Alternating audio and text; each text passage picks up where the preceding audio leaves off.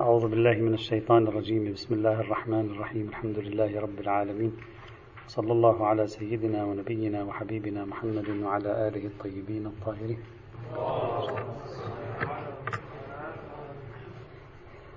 نحاول اليوم إن شاء الله تعالى أن ننتهي من القسم الأول من البحث في قاعدة تنقيح المناط وهو تحديد مفهوم هذه القاعدة وتعريف هذه القاعدة للانتقال إن شاء الله تعالى يوم السبت القادم إلى دراسة أدلة حجية هذه القاعدة وشروط عمل هذه القاعدة. كنا ما نزال نتكلم في النسبة بين قاعدة تنقيح المناط وبين قاعدة القياس. ذكرنا وجود اختلاف في وجهات النظر بين من يربط بين القاعدتين وبين من يميز بين القاعدتين. ذكرنا فرضية تقول بأن تنقيح المناط ليس سوى تجل من تجليات القياس أو ليس سوى تطبيق من تطبيقات عمل القائسين لا أكثر ولا أقل. ثم بدأنا في محاولة نقد هذه الفرضية وذكرنا مجموعة من الانتقادات التي استوحيناها تفصيلا أو إجمالا من كلمات بعض العلماء وعلقنا عليها ببعض التعليقات. بعد هذه الجولة نريد الآن أن نطرح تصورا عن النسبة ما بين القياس وما بين قاعدة تنقيح المناطق. إذا تأملنا هذه المعمعة التي رأيناها في موضوع النسبة بين القياس وتنقيح المناط سنجد أن سببها اختلاف تعريف القياس من جهة واختلاف تعريفهم لتنقيح المناط من جهة أخرى. هذه الاختلافات في التعاريف أدت إلى الاختلافات في نسبة القاعدتين إلى بعضهما. فمثلا نحن نجد في القياس ثلاث اختلافات جوهرية في التعريفات رأيناها سابقا. تعريف يربط القياس بعالم اكتشاف الملاكات. ويجعل مدار القياس على الملاكات. بينما تعريف آخر يجعل القياس دائرا مدار المناطات واكتشاف العلل والصفات. هذا هذا فهمين للقياس. قد يتداخلان وقد ينفصلان. أيضا من جهة أخرى وجدنا تمييزا بين القياس على مستوى الظن وعلى مستوى اليقين. بعضهم حصر هوية القياس بالظن بعضهم عمم القياس إلى الظن وإلى اليقين. رأينا أن مفهوم الظن واليقين يتداخلان مع موضوع القياس وتارة يدفعان الأصولية إلى تعريف القياس بقيد الظن وأخرى تحرير القياس من تعريف يدخل فيه قيد الظن. النقطة الثالثة أيضا هي ما شرحناها سابقا واليوم سوف نركز عليها وسنرى أنها هي الفرق الحقيقي بين قاعدة تنقيح المناط والقياس وهو ما أشرنا إليه سابقا من أن القياس هل مشكلة المخ... الأطراف المتنازعة في القياس على كيفية اكتشاف العلة؟ أو مشكلة الأطراف المتنازعة في القياس على كون العلة كبرى أو ليست بكبرى؟ الآن سوف نشرحها إن شاء الله تعالى. هذه ثلاثة اختلافات أساسية في تحديد فهمنا للقياس أيضا في المقابل توجد اختلافات أساسية في تحديد فهم قاعدة تنقيح المناط. هل قاعدة تنقيح المناط من شؤون اكتشاف الملاكات؟ أو قاعدة تنقيح المناط من شؤون اكتشاف الأوصاف والعلل. هل هي منحصرة بصورة الظن أو هي أعم من صورة القطع والظن؟ هل هي منتمية إلى عالم الظهورات العرفية أو هي أوسع من دائرة الانتماء إلى عالم الظهورات العرفية؟ إذا عندنا ثلاث اختلافات أساسية تؤثر في تقديم آه، ست تعاريف تقريبا للقياس. وعندنا ثلاث اختلافات أساسية أيضا بإمكانها أن تقدم ستة تعاريف لتنقيح المناط وأنت بإمكانك أن تدمج هذه بهذه يمكن يطلع معك حينئذ مجموعة من الصور كل صورة ينبغي أن تعطي لها نتيجة لا نخوض فيها آه الآن. لا يهمنا. ما يهمني هو أننا آه سأعرض ما توصلنا إليه في تعريف تنقيح المناط ثم سوف نحلل الفكرة المركزية في موضوع القياس لنرى هل القاعدتين واحدة أو اثنتين. الذي توصلنا إليه في تنقيح المناط هو أن تنقيح المناط يعبر عن إلغاء الصفات. يتصور وهميا أن لها دور في الحكم يدور الحكم مدارها يتصل الحكم بها. وقلنا ينتج عن عملية الإلغاء هذه توسع تلقائي في مصب الحكم. يعني بشكل تلقائي يتوسع مصب الحكم. هذا في تنقيح المناط قلناه. وبناء عليه لا معنى بالنسبة إلينا لتفسير تنقيح المناط على أنه كشف الملاكات. تنقيح المناط ليس كشف الملاكات. نعم بعض العلماء فهم تنقيح المناط على أنه كشف الملاك أصلا وذكرنا ذلك سابقا. يستوحى أيضا من كلمة الشيخ ناصر مكارم شيرازي عفوا من كلمات سيد البروجردي من كلمات الشيخ أبو طالب تجليل. بل قد يستوحى أيضا من كلمات السيد الإمام الخميني أيضا على ما جاء في كتاب البيع لأنه يفصل بين تنقيح المناط والفهم العرفي. يقول تنقيح المناط غير الاستظهار العرفي مع أن الجميع يقولون بأن تنقيح المناطق إنما هو عبارة عن إلغاء الخصوصية عرفا. هذا يكشف لك عن البون الشاسع في فهم كل واحد لهذا المصطلح ولهذه القاعدة والاضطراب الموجود في فهم هذه القاعدة وكل واحد لديه رؤيته الخاصة في هذا المجال. إذا تنقيح المناطق. توصلنا له حتى الآن. إلغاء صفات. يتوهم أن لها دور في الحكم. ينتج عن هذا الإلغاء توسع تلقائي في مصب الحكم. وبالتالي تنقيح المناط لا علاقة له بالملاكات. ليس كشف للملاكات. ممكن يكون تخريج المناط له علاقة أحيانا بالملاكات. أما تنقيح المناط أولا وبالذات ليس له علاقة بالملاكات. أولا وبالذات يعني عمله ليس هنا. ممكن يضطر إلى أن يعرف ملاكا يساعده ولكن أولا وبالذات ليس عمله هنا. أضف إلى ذلك أيضا قلنا لا علاقة لتنقيح المناط بالظنية والقطعية. تنقيح المناط عملية أعم من الظن والقطع وهذا شرحناه أيضا سابقا. قد يكون إلغاء الخصوصية إلغاء ظنيا قد يكون إلغاء الخصوصية إلغاء قطعيا بل قد يكون إلغاء الخصوصية إلغاء احتماليا أيضا حيث الإمكان أيضا. وذكرنا أيضا بأن تنقيح المناط ليس محصورا بالفهم العرفي. يعني العلماء الإمامية خصوصا لما يعبرون تنقيح المناط ويربطونه بإلغاء الخصوصية دائما يربطون الاثنين بالعرف. لأجل أن تنقيح المناط الحجة عندهم مرتبط بالعرف. لأجل أن إلغاء الخصوصية الحجة عندهم مرتبط بالعرف. فصار العرف قرينا لتنقيح المناط. العرف قرين تنقيح المناط الحجة. لا لا لا أنه قرين أصل فكرة تنقيح المناط هذا الدمج والخلط الذي رأيناه مرارا وتكرارا في هذه الأبحاث بين تعريف ما هو حجة وتعريف الشيء الذي قد يكون حجة تارة وقد يكون في موضع آخر ليس بحجة. قلنا ممكن العرف أحيانا يستخدم تنقيح المناط ممكن غير العرف أحيانا يستخدم تنقيح المناط ممكن العرف يستخدم إلغاء الخصوصية ممكن غير العرف يستخدم إلغاء الخصوصية. أما ما هو الحجة؟ قد تقول لي الحجة إلغاء الخصوصية الذي يقوم به العرف. أما إلغاء الخصوصية الذي لا يقوم به العرف ليس حجة. هذا بحث آخر. إذا هذا توصلنا إليه في مجموع ما مر معنا سابقا. الآن بعد أن عرفنا تنقيح المناط بأنه إلغاء صفات موهومة إلغاء أعم من أن يمارسه العرف أو لا يمارسه العرف. إلغاء أعم من أن يكون ظنيا أو قطعيا. ينتج عن هذا الإلغاء توسع في دائرة في مصب الإلغاء توسع تلقائي أو عملي في مصب الحكم. بعد أن عرفنا إلغاء تنقيح المناط وإلغاء الخصوصية ونفي الفارق بهذا المعنى الآن سنقارنه بالقياس. حتى لا نطول على جميع المباني يطلع عنا يمكن 18 صورة. يعني نخبص روحنا يعني. بناء عليه نأتي إلى الفكرة التي سبق أن ذكرناها في بحث العلة المنصوصة. في ماذا يتنازع المؤمنون بالقياس والمعارضون للقياس؟ في تصويرين للتنازع. التصوير الأول أن الذين يؤمنون بالقياس يعتقدون أن الانتقال الظني من الحكم في الأصل إلى علته كاف حجة. ودليل حجية القياس يتكفل إعطاء الحجية للانتقال الظني من الأصل إلى العلة. يعني اكتشاف العلة من من حكم الأصل. هذا تعريف أو هذا النمط الأول من التعامل مع قضية القياس سلبا وإيجابا. تذكرون رسمنا سابقا رسمنا المثلث وقلنا مرة يكون التنازع في الضلع الأول من المثلث الذي هو عبارة عن السهم الصاعد من الأصل إلى العلة التي هي في أعلى المثلث. هذا هو محل التنازع. المؤمن بالقياس يقول دليل حجية القياس يبرر للظن استنتاج العلة ظنا. المنكر لحجية القياس يقول دليل القياس باطل وبالتالي لا يمكن استنتاج العلة استنتاجا ظنيا فتكون فيكون القياس باطلا حينئذ. هذا فهم أول. الفهم الثاني للقياس للتنازع في قضية القياس هو أن نقول لا ليست القضية قضية استنتاج العلة.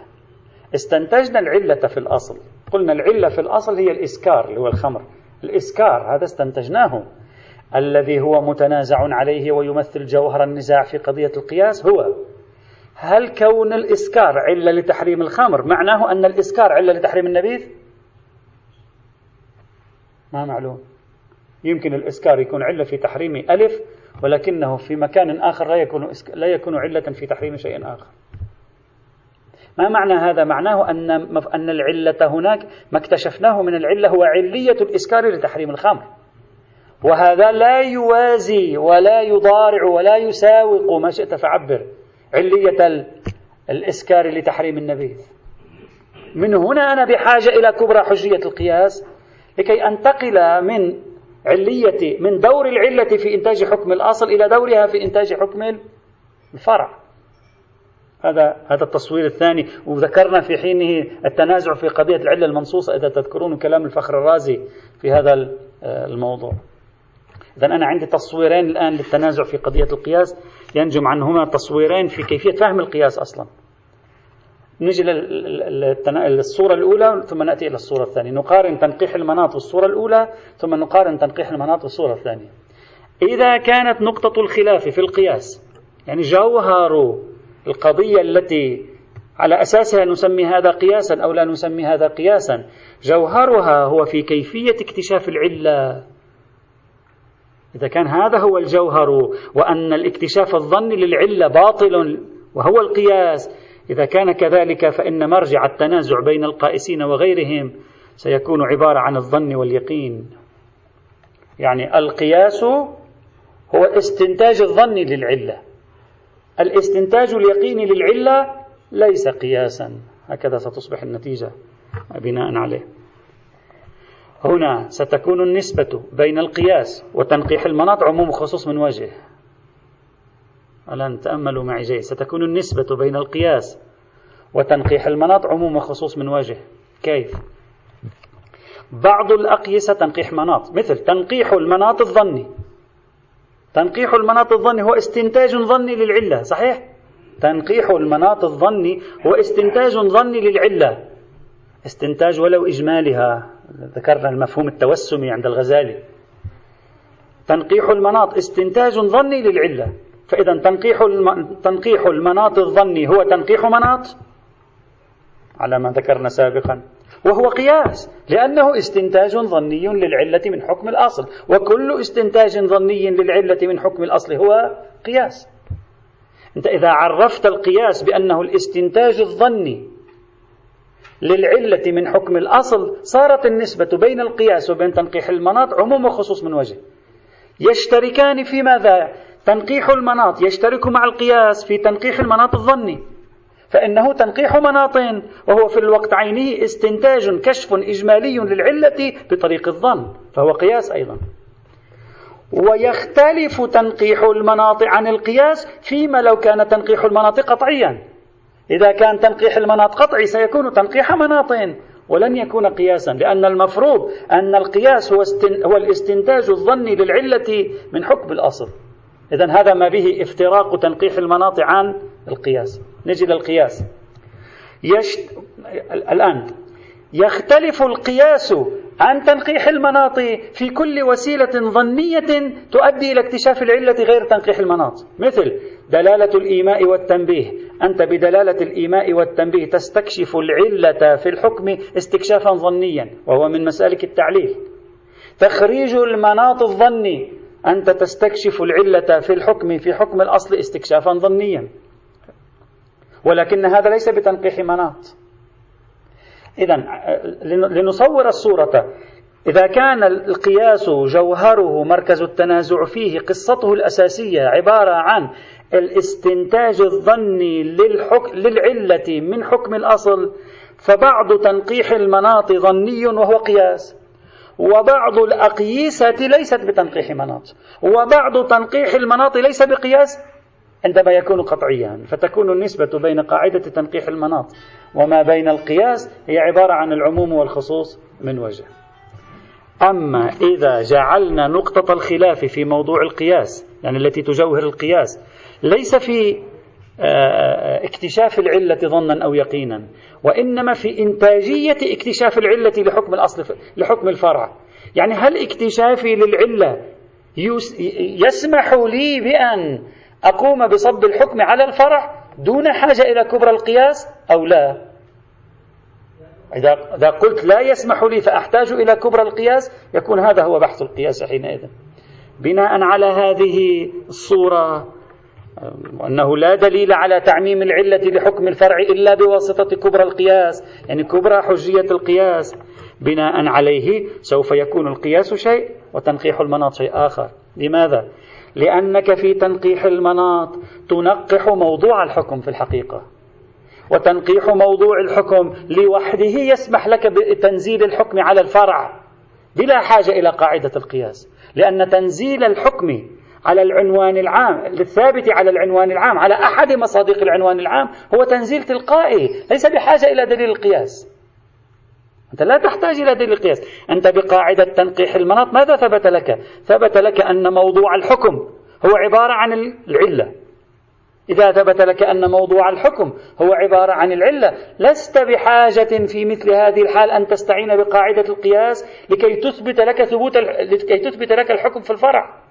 لأن المفروض أن الفرع مصداق للعلة والحكم إذا لحق الكلي لحق الجزئي. تمام؟ بعد ما في حاجة إلى دليل القياس. إذا كلما كان تنقيح المناط موجودا يعني اكتشفنا أن موضوع الحكم هو عبارة عن كبرى كلية. وإذا اكتشفنا أن موضوع الحكم كبرى كلية طبقناها على مورد جديد بلا حاجة إلى دليل القياس. أما القياس فإن الذي نستنتجه فيه ليس عبارة عن كبرى كلية ليس عبارة عن موضوع الحكم وإنما هو عبارة عن علة الحكم في الأصل. وعلة الحكم في الأصل لا تساوي موضوع الحكم. إذا تذكرون نظرية ميرزا النئيني إذا كان كذلك أصلا في تباين كامل بين تنقيح المناط والقياس. في تنقيح المناط لا نستكشف موضوع الحكم الكلي. في تن... عفوا في... في القياس لا نستكشف الموضوع الكلي. في القياس لا نستكشف كبرى كلية. في القياس فقط نستكشف أن الإسكار علة تحريم الخمر. لا أننا نستكشف أن الحكم بالحرمة منصب على الإسكار مطلقا. إذا صار في تباين تام بين تنقيح المناط وبين القياس وعليه. إذا عرفت القياس إذا رأيت جوهر العملية القياسية قائم على الاستنتاج الظني لعلة الأصل من حكم الأصل فتكون النسبة بين تنقيح المناط وبين القياس عموم وخصوص من وجه. وإذا كان القياس وجوهره هو عبارة عن عملية التعدية من علة الأصل إلى جعل هذه العلة علة للفرع إذ لولا دليل القياس لا تكون هذه العلة لوحدها علة للفرع. فبحاجة إلى دليل القياس إذا كان كذلك تنقيح المناط أصلا عالم آخر تنقيح المناط تستكشف أنت أن العلة هي موضوع الحكم. وأنه يتشكل منها ومن الحكم كبرى كلية وإذا تشكلت الكبرى الكلية تجريها على الفرع بلا حاجة إلى دليل أصلا على حجية القياس بالمرة. فإذا أما ما هو القياس؟ هل القياس جوهره العملية الأولى أو الثانية؟ هذا ما سيأتي معنا إن شاء الله بحثه لاحقا عندما نتكلم عن نهي أهل البيت عن القياس. إذا كان القياس جوهره العملية الأولى تداخل تنقيح المناط مع القياس. إذا كان القياس جوهره العملية الثانية خرج تنقيح المناط حينئذ عن تنقيح المناط بالتعريف الذي نحن ارتأيناه خرج تلقائيا خرج عن موضوع القياس. والنتيجة تداخل تنقيح المناط مع القياس على مبنى في تفسير القياس وتباين تنقيح المناط عن القياس على مبنى آخر في تفسير القياس. طبعا بناء على ما توصلنا إليه من وحدة تنقيح المناط وإلغاء الخصوصية ونفي الفارق. هذا نتيجة يعني هذا خلاصة التصور الذي يمكن طرحه في النسبة بين القياس وبين تنقيح المناط. الآن سوف أذكر مخرجات بحث هوية تنقيح المناط. ما الذي استنتجناه من مجموعة البحوث الماضية؟ يوجد تقريبا سبع استنتاجات توصلنا إليها سأختصرها وتوضح لنا أطراف البحث باختصار. أولا قلنا تنقيح المناط عبارة عن عملية ذهنية في فهم علاقة الحكم بمداره وهي تقوم على إلغاء كل صفة يتصور أن يكون لها دور في مدار الحكم أي ما يدور الحكم مداره وجودا وعدما. والغاية من وراء عملية الحذف هذه والغاية من وراء عملية الإلغاء والنفي هذه هو بلورة المدار من الناحية العملية بلورته بشكل أوسع يؤدي إلى دخول أفراد جديدة في الحكم غير ما دل عليه النص بالمباشرة هذا أولا. ثانيا قلنا هذه العملية الذهنية يمكن أن تنتج يقينا تارة يمكن أن تنتج ظنا ثانية يمكن أن تنتج احتمالا ثالثا وليست متجوهرة لا باليقين ولا بالظن. ثالثا قلنا هذه العملية عملية إلغاء المناطات الوهمية التي تؤدي إلى تنقيح المناط الحقيقي. هذه العملية قد يمارسها العرف نفسه. كون العرف يمارسها لا تعني أنها ليست تنقيح مناط. قد يمارسها العرف بنفسه وقد يمارسها غير العرف أيضا. يعني قد تلغي أنت خصوصية والعرف كله يلغي الخصوصية هذه معك. وقد تلغي أنت هذه الخصوصية نتيجة مقدمات نظرية العرف لو ألقي إليه النص لا يفهم عملية الإلغاء هذه. هلا نعم مرة يكون الإلغاء هذا حجة إذا كان العرف فعله ولا يكون حجة إذا لم يفعل العرف. هذا بحث في الحجية وهو المرحلة الثانية من مراحل البحث في تنقيح المناط رابعا الفرق بين تنقيح المناط وتخريج المناط يكمن بالدقة هذا الذي توصلنا إليه في أن تخريج المناط يكشف كشفا تفصيليا عن العلة. تخريج المناط أنت تكشف كشف تفصيلي عن العلة. أما في تنقيح المناط فأنت لا تكشف كشف تفصيلي عن العلة إلا إذا أعانتك قاعدة السبر والتقسيم الحصري. أعانتك قاعدة السبر والتقسيم الحاصر لا السبر والتقسيم المنتشر كما ذكرنا سابقا. إذا تعاضدت قاعدة تنقيح المناط مع قاعدة السبر والتقسيم الحاصر نعم استطعت أن تكشف العلة كشفا تفصيليا. أما إذا لم يكن هناك إمكانية لقاعدة السبر والتقسيم الحاصر وكنت فقط أنت وتنقيح المناط تنقيح المناط لا يعين لك العلة. تنقيح المناط يضيق لك أين هي احتمالات العلة. يلغي لك عللا مفترضة فيضيق. وعمليا تعمل أنت على هذا المضيق. فبين تنقيح المناط وتخريج المناط فارق نظري ونتيجة واحدة عملية. الفارق النظري أن تنقيح المناط يعين إجمالا العلة وأن تخريج المناط يعين تفصيلا العلة. والفارق والوحدة العملية والاشتراك العملي أنهما معا يعملان على من كشف لهما إن بالتفصيل أو بالإجمال. إذا أعيد لأن هذه النتيجة كانت في بحث تخريج المناط تنقيح المناط.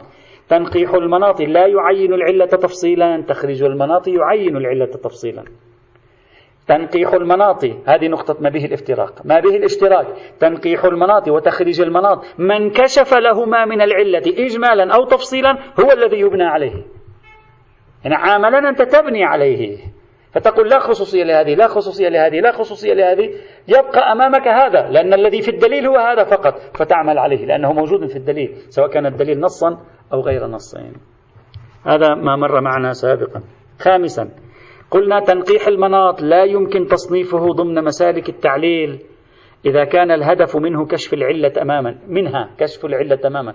إذا قصدتم من كلمة مسالك التعليل هي كل مسلك يؤدي إلى كشف العلة كشفا تاما فتنقيح المناط ليس من مسالك التعليل. لأن تنقيح المناط لا يكشف لنا العلة كشفا تاما. تنقيح المناط يبطل لنا ما هو ليس بعلة ولا يكشف لنا ما هو علة كما قلنا. نعم في حالة واحدة إذا اعتضد تنقيح المناط بقاعدة السبر والتقسيم الحاصر يمكن لتنقيح المناط مع قاعدة السبر والتقسيم أن يدخلا في دائرة مسالك التعليل في مثل هذه الحال. فإذا وعليه مسالك التعليل. إن قصد بها كشف العلة بشكل تام فتنقيح المناط خارج مسالك التعليل.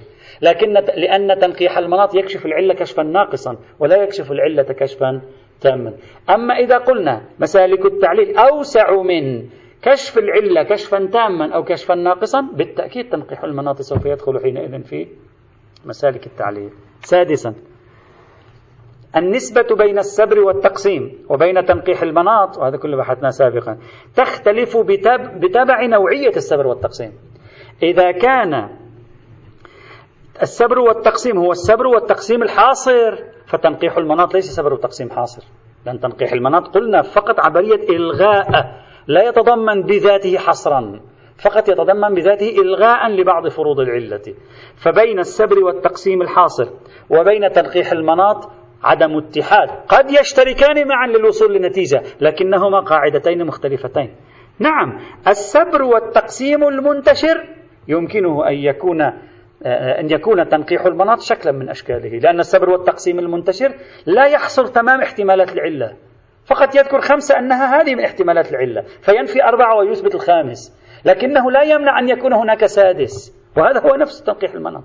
هذه نفس العملية أنت تمارسها في تنقيح المناط. أنت تنفي مجموعة ثم تقول لم يبقى عندي إلا هذا هذا لا أستطيع أن أنفيه ولا يوجد في الأدلة شيء يدل على غيره فعمليا أعمل عليه. وإن كان لا أستطيع أن أتأكد أنه هو المناط الحقيقي النهائي الذي يدور الحكم مداره. سابعا قلنا تنقيح المناط إلغاء الخصوصية نفي الفارق ثلاثة مصطلحات لمعنى واحد. خلافا لما يظهر من بعضهم. ثامنا النسبة بين قاعدة القياس وقاعدة تنقيح المناط تتبع حجم تعريفنا شكل تعريفنا للقياس.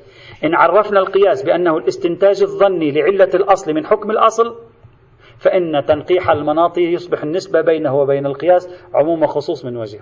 وإن عرفنا القياس بأنه عبارة عن نقل العلة إثبات علية علة الأصل للفرع فهذا يعني أن تنقيح المناط والقياس مفهومان متباينان تماما. لأنك في تنقيح المناط تثبت الموضوع بلا حاجة إلى القياس بينما في القياس لا تستطيع التسرية للفرع إلا بدليل حجية القياس يعني بالدليل الذي دل على حجية القياس.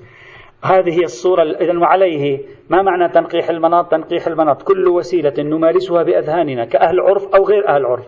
نقوم من خلالها بملاحظة بعض الصفات المحتملة العلية. وطرح هذه الصفات من أن تكون محتملة العلية بما ينتج عنه تلقائيا توسع في مصب الحكم.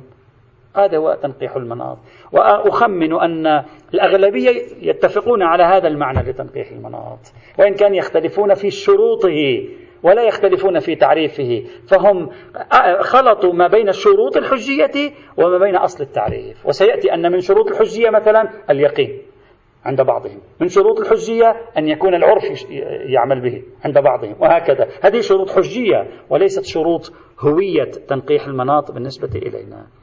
هذا مجمل ما تقدم خلال الأسبوعين أو الأسبوع لا أدري الماضيين حول ما هي قاعدة تنقيح المناط وحتى الآن فقط فهمناها لا أدري يمكن فهمناها لعلنا فهمنا هذه القاعدة. الآن هل هذه القاعدة حجة أو ليست بحجة؟ إذا كان العرف يقوم بإلغاء الخصوصية من قال أن إلغاءه للخصوصية حجة؟ أنت منين تعرف أنه حجة؟ هذه المرحلة الثانية.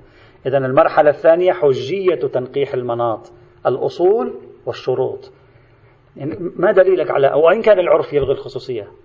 وإذا يعلق الخصوصية؟ من قال لك أن إلغاء العرف الخصوصية حجة؟ منين عرفت أن إلغاءه للخصوصية حجة؟ غير العرف إذا ألغى الخصوصية هل يمكن أن يلغي الخصوصية إلغاء حجة؟ ولو لم يكن عرفيا هذا الإلغاء هل هل ممكن؟ أم هذه كلها ظنون وتخمينات؟ أنت منين تلغي خصوصية اليد؟ أنت تعودت لأن في الحوزة شفت الأساتذة بيلغوا خصوصية اليد. فكرت أن هذه بديهية. لا مين قال لك بديهية؟ نحن الآن نحاول نسأل. مش عم نناقش. من قال لك بديهية؟ رواية وردت في اليد نقتصر على اليد. خلاص انتهى الموضوع. منين أنت تأتي؟ بتقول الأعرابي بيقول لك الأعرابي في عندي قاعدة الاشتراك هي التي عممت. لا بأس عندي دليل مستقل ساعدني في التعميم. إذا ما عندي دليل مستقل من أين أعمم؟ منظومة الفقه سوف تتغير حينئذ. سنقترب أكثر من بعض الشيء من التفكير الأخباري حينئذ. ما تلغي من أين تعرف تلغي الخصوصية؟ قال سقطت قطرة دم في عصير رمان قال لا تشربه فمثلا هذا هذا موجود حتى في الكتب الفقهية. فنقول لا خصوصية للرمان. عصير البرتقال أيضا نفس الشيء. لكن لما قالوا طيب سقطت قطرة بول في الرمان. قال لا لا لعله توجد خصوصية للدم. كيف عرفت توجد احتمال توجد خصوصية؟ هناك أنت ألغيت الخصوصية. وكنا ندرس عند أستاذ سهل الله أمره. كان يعني متشددا متطرفا في موضوع إلغاء الخصوصية. ما يقبل بالغاء الخصوصية بسهولة. أبدا يعني لذلك تجد له فقه كان مختلف بعض الشيء. أنا لا أدري يعني هو لم يصل إلى مقام الإفتاء. لا أدري إذا سيفتي هكذا أو لا. فيميز بين الأشياء التي هي متقاربة جدا بنظرنا. وفي بعض الأحيان يقول أنه لا خصوصية لهذه. ثم سألته مرة قلت له أستاذنا يعني ما الفرق بين هذه وهذه؟ هذه هذه واضحة وهذه واضحة. تقول لي هذه ليست بواضحة وهذه ليست بواضحة؟ يعني هو الإحالة على العرف أحيانا إحالة على مجهول هي مشكلتنا معه. ما من هو العرف أصلا هنا؟ العرف مجموعة العادات التي أنت تعودت عليها من الأساتذة. هذا هو العرف. أنت تعودت أنه هكذا يستنبط فكرت أن العرف يستنبط هكذا. بعض الأخباريين هكذا يقولون لك. وعليك أن تأخذ إشكالهم تحمله على محمل الجد. من أين تعرف هذا؟ هذا يفهمه العرف. أي عرف يفهمه؟ الدينار والدرهم لا لا نستطيع أن نلغيه. اسمع ألقي على أي واحد من العرف الآن. خارج عرفنا نحن. يقول لك لا فرق تلك كانت عملتهم والآن هذه عملتنا. لا فرق بينهما. لكن لما يجي الفقيه يقول لك لا لماذا لا؟ لأن الفقهاء القدامى لم يميزوا. فما المعيار؟ أنا أنا دائما على طريقة. أشكل الشيء حتى نفكر فيه، حتى إذا بحثنا نبحثه وهو متأشكل، لأنه عندما نبحثه وهو متأشكل عقلنا يصبح طليقا وهو يحلل الأشياء، عندما نبحثه وهو لا غير متأشكل يعني بديهي. نحس حالنا شوية يعني غير قادرين على الحركة، كأنما الموتور يحتاج إلى زيت حتى تتحرك أجزاؤه. لا حقيقة القضية مؤشكلة. بالفعل مؤشكلة. أنا ما أوهم أنها مؤشكلة. بالفعل هي مؤشكلة. ما المعايير؟ العرف ما أي عرف. وكثير من الموارد العرف يفهمها مستحيل أن يقبل بها الفقه الإسلامي. وكثير من الموارد العرف لا يفهمها ما معلوم العرف يفهمها. هم يقولون العرف يفهمها مثلا. فما هو المعيار في هذا الموضوع؟ وإذا كان العرف فما وجه حجية الفهم العرفي هنا؟ لعل العرف يمارس القياس. لعل العرف يعمل بالظن. ولعلنا منهي بعموم النهي عن الظن منهيين عن هذا. من من قال لك ذلك؟ ربما. فإذا يجب علينا أن نبحث في المرحلة الثانية وهي مرحلة مهمة. ما هو معيار حجية تنقيح المناط؟ خاصة تنقيح المناط الظني. هذا من جهة. ثانيا من أين يأتي القطع؟ في تنقيح المناط القطعي. يعني أنت لا تحيلني على حالات شخصية. من أين يأتي القطع في تنقيح المناط من؟ كيف تعرف أن الرمانية ليست داخلة في المناط؟ من كيف تعرف؟ وتقول قطعا ليست داخلة. لا داخلة يمكن داخلة. أنا أقول احتمال داخلة. يعني أنت نزل عليك آية نزل وحي عليك. من أين تعرف؟ ما في ما فينا نعرف أي شيء من هذا القبيل، فإذا فكروا في هذا الموضوع جيدا حقيقة. يعني اشتغلوا عليه ذهنيا لا تراجعوا، أنتم اشتغلوا عليه ذهنيا، لأن المراجعة لن توصل إلى نتيجة، باعتبار تتلقى القضايا تلقي البديهيات. قليل من تجد أحد يطرح لك أدلة حجية تنقيح المناطة تستنبطها استنباطا من كلماتهم لأن القضية ليست مفردة للتصنيف كما قلنا. فكروا فيها ما المخرج الذي يمكننا من خلاله أن ننقح المناط نلغي الخصوصيات؟ إذا ما في مخرج ترى قضية التعميمات والمقاصد والتعليلات والخروج عن حرفيات النصوص تصبح في ورطة كبيرة. إذا لم نستطع أن نحل هذه المعضلة. ولا بأس فلتكن في ورطة ما في مشكلة. المهم أن نفكر في الموضوع. لا نريد أن نضع نتيجة مسبقة ونفكر لكي نتوصل إلى حل النتيجة ونحاول أن نلعب على أنفسنا في ذلك. يأتي إن شاء الله يوم السبت البحث في آه، حجية تنقيح المناط وشروط هذه الحجية. معايير حجية إن شاء الله. الحمد لله رب العالمين.